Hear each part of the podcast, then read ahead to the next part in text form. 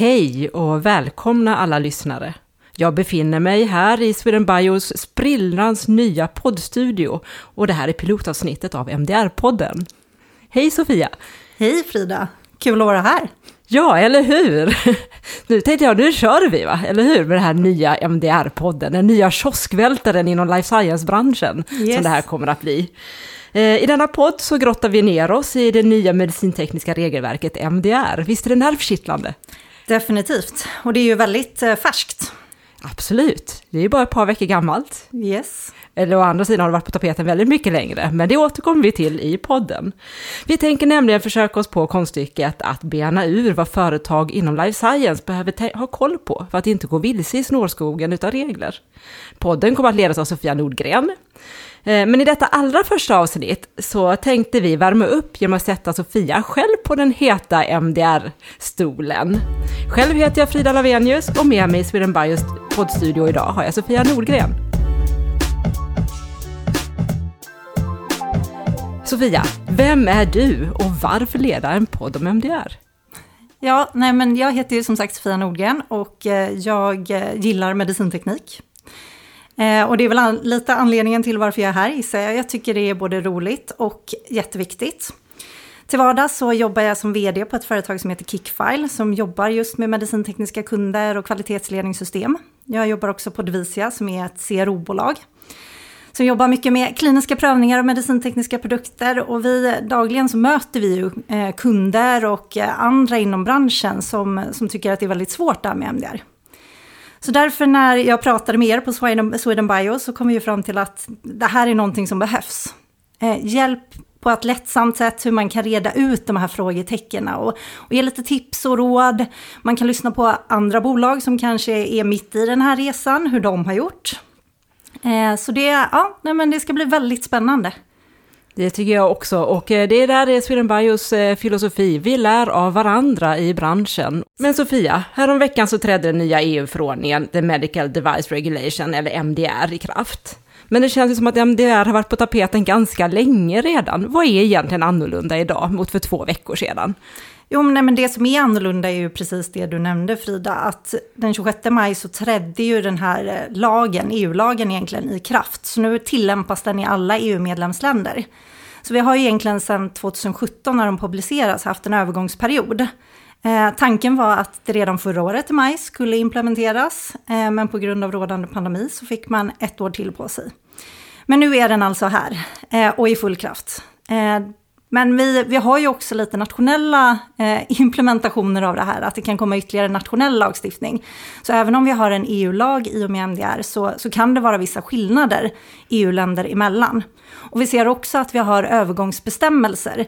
Så även om 26 maj i år var ett väldigt stort datum så kommer vi se här under flera års tid att produkter pö om pö går över till det nya regelverket helt och hållet, helt enkelt. Jag börjar redan förstå att vi behöver en podd om MDR. Ja, definitivt. Det, det kan vara knepigt även för någon som jobbar dagligen med det här, att liksom förstå vidden av allt. Eh, och så är det ju, som precis med, med allt annat för medicinteknik, så beror det ju på vad du har för typ av produkt. Vi har ju ett regelverk som ska liksom funka för, för alla produkter. Men vi har ju ja, men ungefär en halv miljon olika medicintekniska produkter. Och då kan man ju förstå själv Oj, att oj, oj. Mm. skriva någonting som är tydligt, så att alla vet vad de ska göra för just sin produkt, är, är väldigt knepigt. Så därför behöver man ju tolka den här lagstiftningen också. Men, men, men sett lite ur framtidsperspektiv, den 26 maj är den dag vi kommer liksom minnas för att älska eller minnas för att hata. Ja, beror nog på hur, hur väl förberedd du var. Det är klart att de som inte riktigt var förberedda kan ju det här komma som en chock. Eh, Medan andra kan använda det som en konkurrensfördel. Eh, men, själva syftet med det här regelverket är ju att höja patientsäkerheten eh, och få bra och säkra och, effektiva produkter på marknaden. Så det, har ju ett gott syfte. Även om, om det kan vara innovationshämmande om man inte vet hur man ska tolka det och ta de här smarta vägarna helt enkelt. Och det är därför vi sitter här idag. Yes. Men om jag har ett farma eller biotechföretag och inte tidigare har påverkats av de medicintekniska regelverken, behöver jag ändå ha koll på MDR? Ja, eh, skulle jag säga. Eh, det kan ju vara så om du har en kombinationsprodukt, alltså en produkt som består av både läkemedel och medicinteknik. Eh, så trots att läkemedelssubstansen eller läkemedelskomponenten i den produkten är den som har huvudsyftet, så att produkten mest regleras som ett läkemedel, eh, så är det viktigt att veta att MDR ställer krav på att den medicintekniska komponenten i produkten faktiskt uppfyller applicerbara krav i regelverket. Eh, och där är det speciellt artikel 117 som är ny i regelverket som kan vara värt att kolla lite extra på, som på något sätt ja, men lägger till krav på det här regelverket då som finns för, för läkemedlet. Artikel 117 är säkert någonting du har anledning att återkomma till i podden, Sofia. Det tror jag definitivt, och förhoppningsvis med en smart gäst då, som, som kan berätta ännu mer om hur de har tolkat den artikeln. Det ser vi fram emot. Men kan det också vara så att jag har produkter som berörs utan att jag vet om det? Så kan det vara. Eh, förutom de här kombinationsprodukterna eh, så kan det också vara så att du till exempel har mjukvara. Eh, som, då kan mjukvaran i sig ha ett medicinskt syfte eller att den behandlar medicinsk information på något sätt. Eh, som då blir en medicinteknisk produkt. Det kan också vara så att du har en kosmetisk produkt som tidigare inte har varit medicinteknik men nu lyft in, lyfts in into scopet Eh, för MDR då. Och det är framförallt eh, kosmetiska produkter som är väldigt lika medicintekniska produkter i, ja, det kan vara kopplat till risker, men som saknar då medicinsyfte. Så, så till exempel så har vi ju färgade linser som inte är synkorrigerade. Eh, det kan vara ja, men, eh, kosmetiska implantat, eh, den typen av produkter som nu klassas som medicinteknik också. Mm, men du nämnde mjukvara, det fastnar jag lite vid. Det är ju någonting som blir allt vanligare. Men vad behöver jag vara medveten om om jag har mjukvara kopplat till min produkt? Jo, men det är jätteviktigt att eh, du har utvecklat den här mjukvaran, tagit fram den i enlighet med regelverket och de standarder som finns för mjukvaruutveckling. Eh, för sånt är ju svårt att backtracka skulle jag säga, utan har du inte gjort det enligt processen så, så kan det bli knepigt att få ihop all dokumentation som behövs för att placera produkten på marknaden. Eh, det är också viktigt att tänka på om mjukvaran i sig är en medicinteknisk produkt. Eh, för du kan ha en, en medicinteknisk produkt som inte har en hårdvara, som, som bara är till exempel en app. Eh, och, och, det är någonting som, som kan vara knepigt. Många apputvecklare tänker ju inte på att den här appen kanske har ett medicinsyfte, för man kopplar den till, till någon sjukdom eller liknande. Eller att den faktiskt behandlar, hanterar, analyserar, gör någonting med medicinsk information. Så det, ja, det är, det är saker man ska titta på. Det är lite risky business där helt enkelt om man eh, har mjukvara. Ja, jo, men det gäller att man har koll på vad man gör. Sen är det viktigt att veta, vara medveten om att vi, vi har ju mycket mjukvara och speciellt mjukvara som används på sjukhus. Och är det så att det inte har ett medicinsyfte eller det inte hanterar och bearbetar den här medicinska informationen, som till exempel om faktureringsprogram, administrationsverktyg, det är ju inte medicinteknik. Så det är ju inte de produkterna vi vill åt. Men däremot om mjukvaran är kopplad till själva produktionsprocessen och inte produkten i sig, vad ja. gäller då? Då kan det vara så att själva mjukvaran inte blir en medicinteknisk produkt, utan den är mer eh, kopplad till framtagandet av den medicintekniska produkten. Men det betyder ju inte att det inte är några krav som, som ställs på den. Utan när man tar fram en medicinteknisk produkt så är det ju viktigt att verifiera, validera att man har en kontrollerad utvecklingsprocess eller produktionsprocess. Eh, så där blir det ju också en kravställning, även fast produkten eller mjukvaran i sig kanske inte kopplas till kraven i MDR direkt. Men om jag är osäker på vad som gäller, vad ska jag göra då? Ta hjälp skulle jag säga. Eh, hitta någon som, eh, antingen om ni har någon inom bolaget eller kan använda någon externt som, som är van vid att titta på den här typen av produkter. Eh, och, och kunna då berätta för er vilka krav som är applicerbara. Ett bra tips kan väl också vara att fortsätta att lyssna på MDR-podden? Absolut. Jag tror att mjukvara är ju någonting vi definitivt kommer komma tillbaka till eftersom det är så pass nytt. Och där ser vi också att många mjukvaror blir uppklassificerade eh, tack vare MDR. Men du Sofia, jag tänkte också på det här med CE-märkning. För MDR bygger på CE-märkning och som jag förstått det så är det ju tillverkaren själv som ska visa att produkten uppfyller kraven genom att CE-märka sin produkt. Men hur går det till? Mm. Nej, men MDR innehåller ju eh, många detaljerade krav, skulle jag säga, som tillverkaren måste följa för att visa att produkterna är lämpliga, är säkra, är effektiva, så att de faktiskt får placeras på marknaden. Och precis som du säger Frida, så är det ju tillverkaren själv som CE-märker sin produkt. Sen beror det lite på vilken, eller lite, det beror ganska mycket på vilken riskklassificering produkten har. Alltså hur hög risk det är kopplat till produkten. Är det så att det är en låg riskklassificering, en klass 1-produkt som man kallar för medicinteknik, så är det tillverkaren själv som gör hela den här processen. Eh, är det så att det är lite högre risk, det finns klass 1-produkter som har en mätfunktion eller det kirurgiska flergångsinstrument eller är sterila, eh, då är det så att man måste använda ett tredjepartsorgan, ett anmält organ, för att verifiera en del av produkten i CE-märkningsprocessen. Också så om det är en högriskprodukt, alltså en klass 2 A, B eller klass 3-produkt. Det blir väldigt tekniskt, men vi kommer nog komma tillbaka till det här. Jag tror det också. Eh, för då måste du också ha ett anmält organ. Eh, men där är det ju också viktigt att inse att trots att du har ett anmält organ som är med, så är det ju du som tillverkaren som CE-märker din produkt eh, och, och, intygar att du uppfyller relevanta krav. Och då är det ju du som garanterar både ja, konstruktion, tillverkning, att man uppfyller de här regulatoriska kraven, att varje produkt du sätter ut på marknaden uppfyller kraven. Eh, också att du har system på plats för att ja, men riskhantera, för att ja, men föra tillbaka information som du lär dig om produkten in i din process. Eh, och också följa upp om det, om det inträffar någonting när produkten är på marknaden. Så du, du har väldigt eh, stora krav på dig som tillverkare. Men du, det är ju väldigt mycket snack om de här anmälda, anmälda organen, notified bodies, eller snarare bristen på anmälda organ.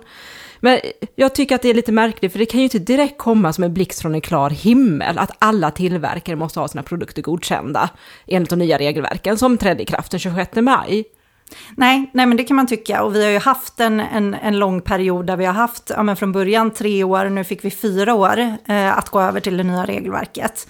Eh, och för, för in vitro-produkter som kommer nästa år, då regelverket, så har ju de haft ännu längre tid på sig eh, att gå över. Men det är ju viktigt att vara medveten om att MDR kommer ju med mycket nytt, inte bara för tillverkare, utan det har varit nytt för våra myndigheter, det har varit nytt för de anmälda organen, det, det är många nyheter när det gäller men, ekonomiska operatörer, som distributörer, importörer, det, det är nya krav för oss alla. Eh, och då är det ju så att för att bli designerad, som det heter, för att ett anmält organ ska få godkännande att faktiskt granska våra tillverkare, så behöver de själva bli granskade. Och det är en process som tar, tar lång tid och är väldigt omfattande. Eh, och det, det är främst det, skulle jag säga, som, som har tagit tid. Att man, bara för att du har fått granska produkter under vårt nuvarande direktiv, eller våra två nuvarande medicintekniska direktiv som har gått ihop och blivit MDR sen, så, så innebär inte automatiskt att du, du får granska produkter under MDR. Så det ligger många designated notified bodies i pipeline då och väntar på att bli godkända? Det kan vi ju hoppas. Eh, för vi kommer ju se nu, nu ser vi ju 26 maj eh, i år, eh, då, då, många, då MDR började tillämpas och många ville gå över. Sen har vi de här övergångsbestämmelserna som gör att ja, men du kan ha till och med ja, men 2024 på dig att faktiskt göra din övergång om du har ett befintligt EC-certifikat under direktivet då så kan du fortsätta leva på det en stund till. Eh, så där kommer vi antagligen se väldigt många som i slutet på den perioden också vill gå över. Så där blir det ju också väldigt viktigt att vi, vi fortsätter att få designerade anmälarorgan. Så att när den kullen kommer igen, vi ser spiken med många bolag som, som behöver ett anmält organ, eh, att, eh, att det fortsätter komma nya så att det inte stagnerar nu och vi ligger på en konstant nivå på, på 20 anmälda organ. Ja, för jag tänkte annars vad händer om vi inte får tag på ett anmält eh, organ? Ja, det beror lite på vad du, vad du har för produkt. Om det är så att du, du har en produkt som omfattas av de, av de här övergångsreglerna, så att du har de här extra åren på dig att faktiskt eh, gå över till MDR, eh, då kan du ju ha tid att fortsätta leta. Är det så att du, du sitter på en jättebra idé till en medicinteknisk produkt och kanske har kommit väldigt långt i din utveckling och vill placera den på marknaden nu, då måste du ju förhålla dig till MDR direkt. Eh, och hittar du inte ett anmält organ då, eh, då kommer du inte komma ut med din produkt på marknaden. Så det är egentligen från de nya produkterna som det är, är riktigt akut? Ja, det skulle jag säga. Men vi ser också på de här mjukvaruprodukterna som vi kommer komma tillbaka mm i, i, avsnitt framöver, som där många blir uppklassificerade och har gått från att inte behöva ett anmält organ till att nu behöva ett anmält organ. Eh, och då har man ju fått de här övergångsperioderna, så man har lite längre tid på sig att kunna gå över. Men samtidigt får du inte göra några signifikanta ändringar under den här övergångsperioden. För då måste du gå över direkt. Och där mjuk, med mjukvaruprodukter så vet vi att det är mycket som det händer, och man behöver mycket. göra uppdateringar. Eh, och då kan ju det bli väldigt svårt. Till slut kanske man har en produkt som du inte får ändra i, som, som inte eh, ger någonting, som inte ja, men är en bra produkt längre. För den kan inte uppfylla de här nya kraven som kunden har eller fungera med de nya eh, ja, men systemen den måste eh, ha funktionalitet till.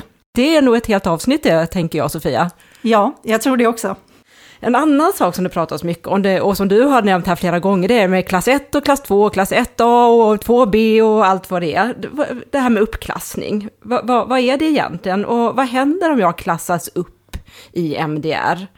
Eh, vilka nya krav kan komma att ställas på, på produkten och på tillverkningsprocessen?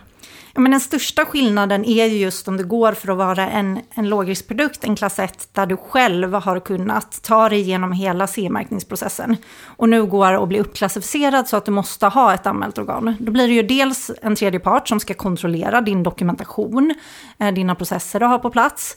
Eh, men, men också så, så ska du hitta det här anmälda organet. Så det, det är ju flera eh, svårigheter skulle jag säga kring det. Så det är ju framförallt för de produkterna det blir störst skillnad. Om du redan har ett anmält organ men blir uppklassad från till exempel en klass 2B till klass 3 som är den högsta riskklassen, då är du ju redan inne i processen. Eh, det kan vara så att det blir högre krav som ställs på dig, speciellt när det gäller klinisk bevisning för produkten. Eh, men du har en upparbetad kontakt antagligen med ett Notify Body. Sen får man ju hoppas att det anmälda organet eh, faktiskt kommer vidare under MDR. Så att det inte är så att det ej får fortsätta granska produkter. För då, då, då måste du ju byta. Alltså för mig som är lite utomstående här så verkar allting lite rörigt. Eh, du beskriver hur det är gamla och nya regelverk och det är EU-regelverk som kompletteras med nya nationella regelverk och det är övergångsbestämmelser med olika tidsfrister och datum och som dessutom gäller olika beroende på om det är nya eller gamla produkter. Sammanfattningsvis, vad är det viktigaste som jag behöver ha koll på? Nej, men det viktigaste är att ta reda på vad som gäller just för din produkt. Eh, och sen ta fram en plan utifrån det.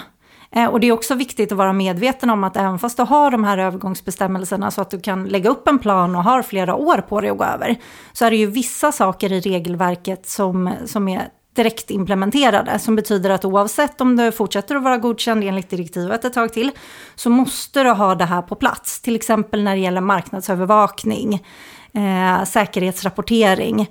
Eh, så, så det gäller ju verkligen att ha koll på just nu. Eh, men sen är det ju att lägga upp den här planen. Och speciellt om det är så att du, du har sett att du kommer behöva mer klinisk data.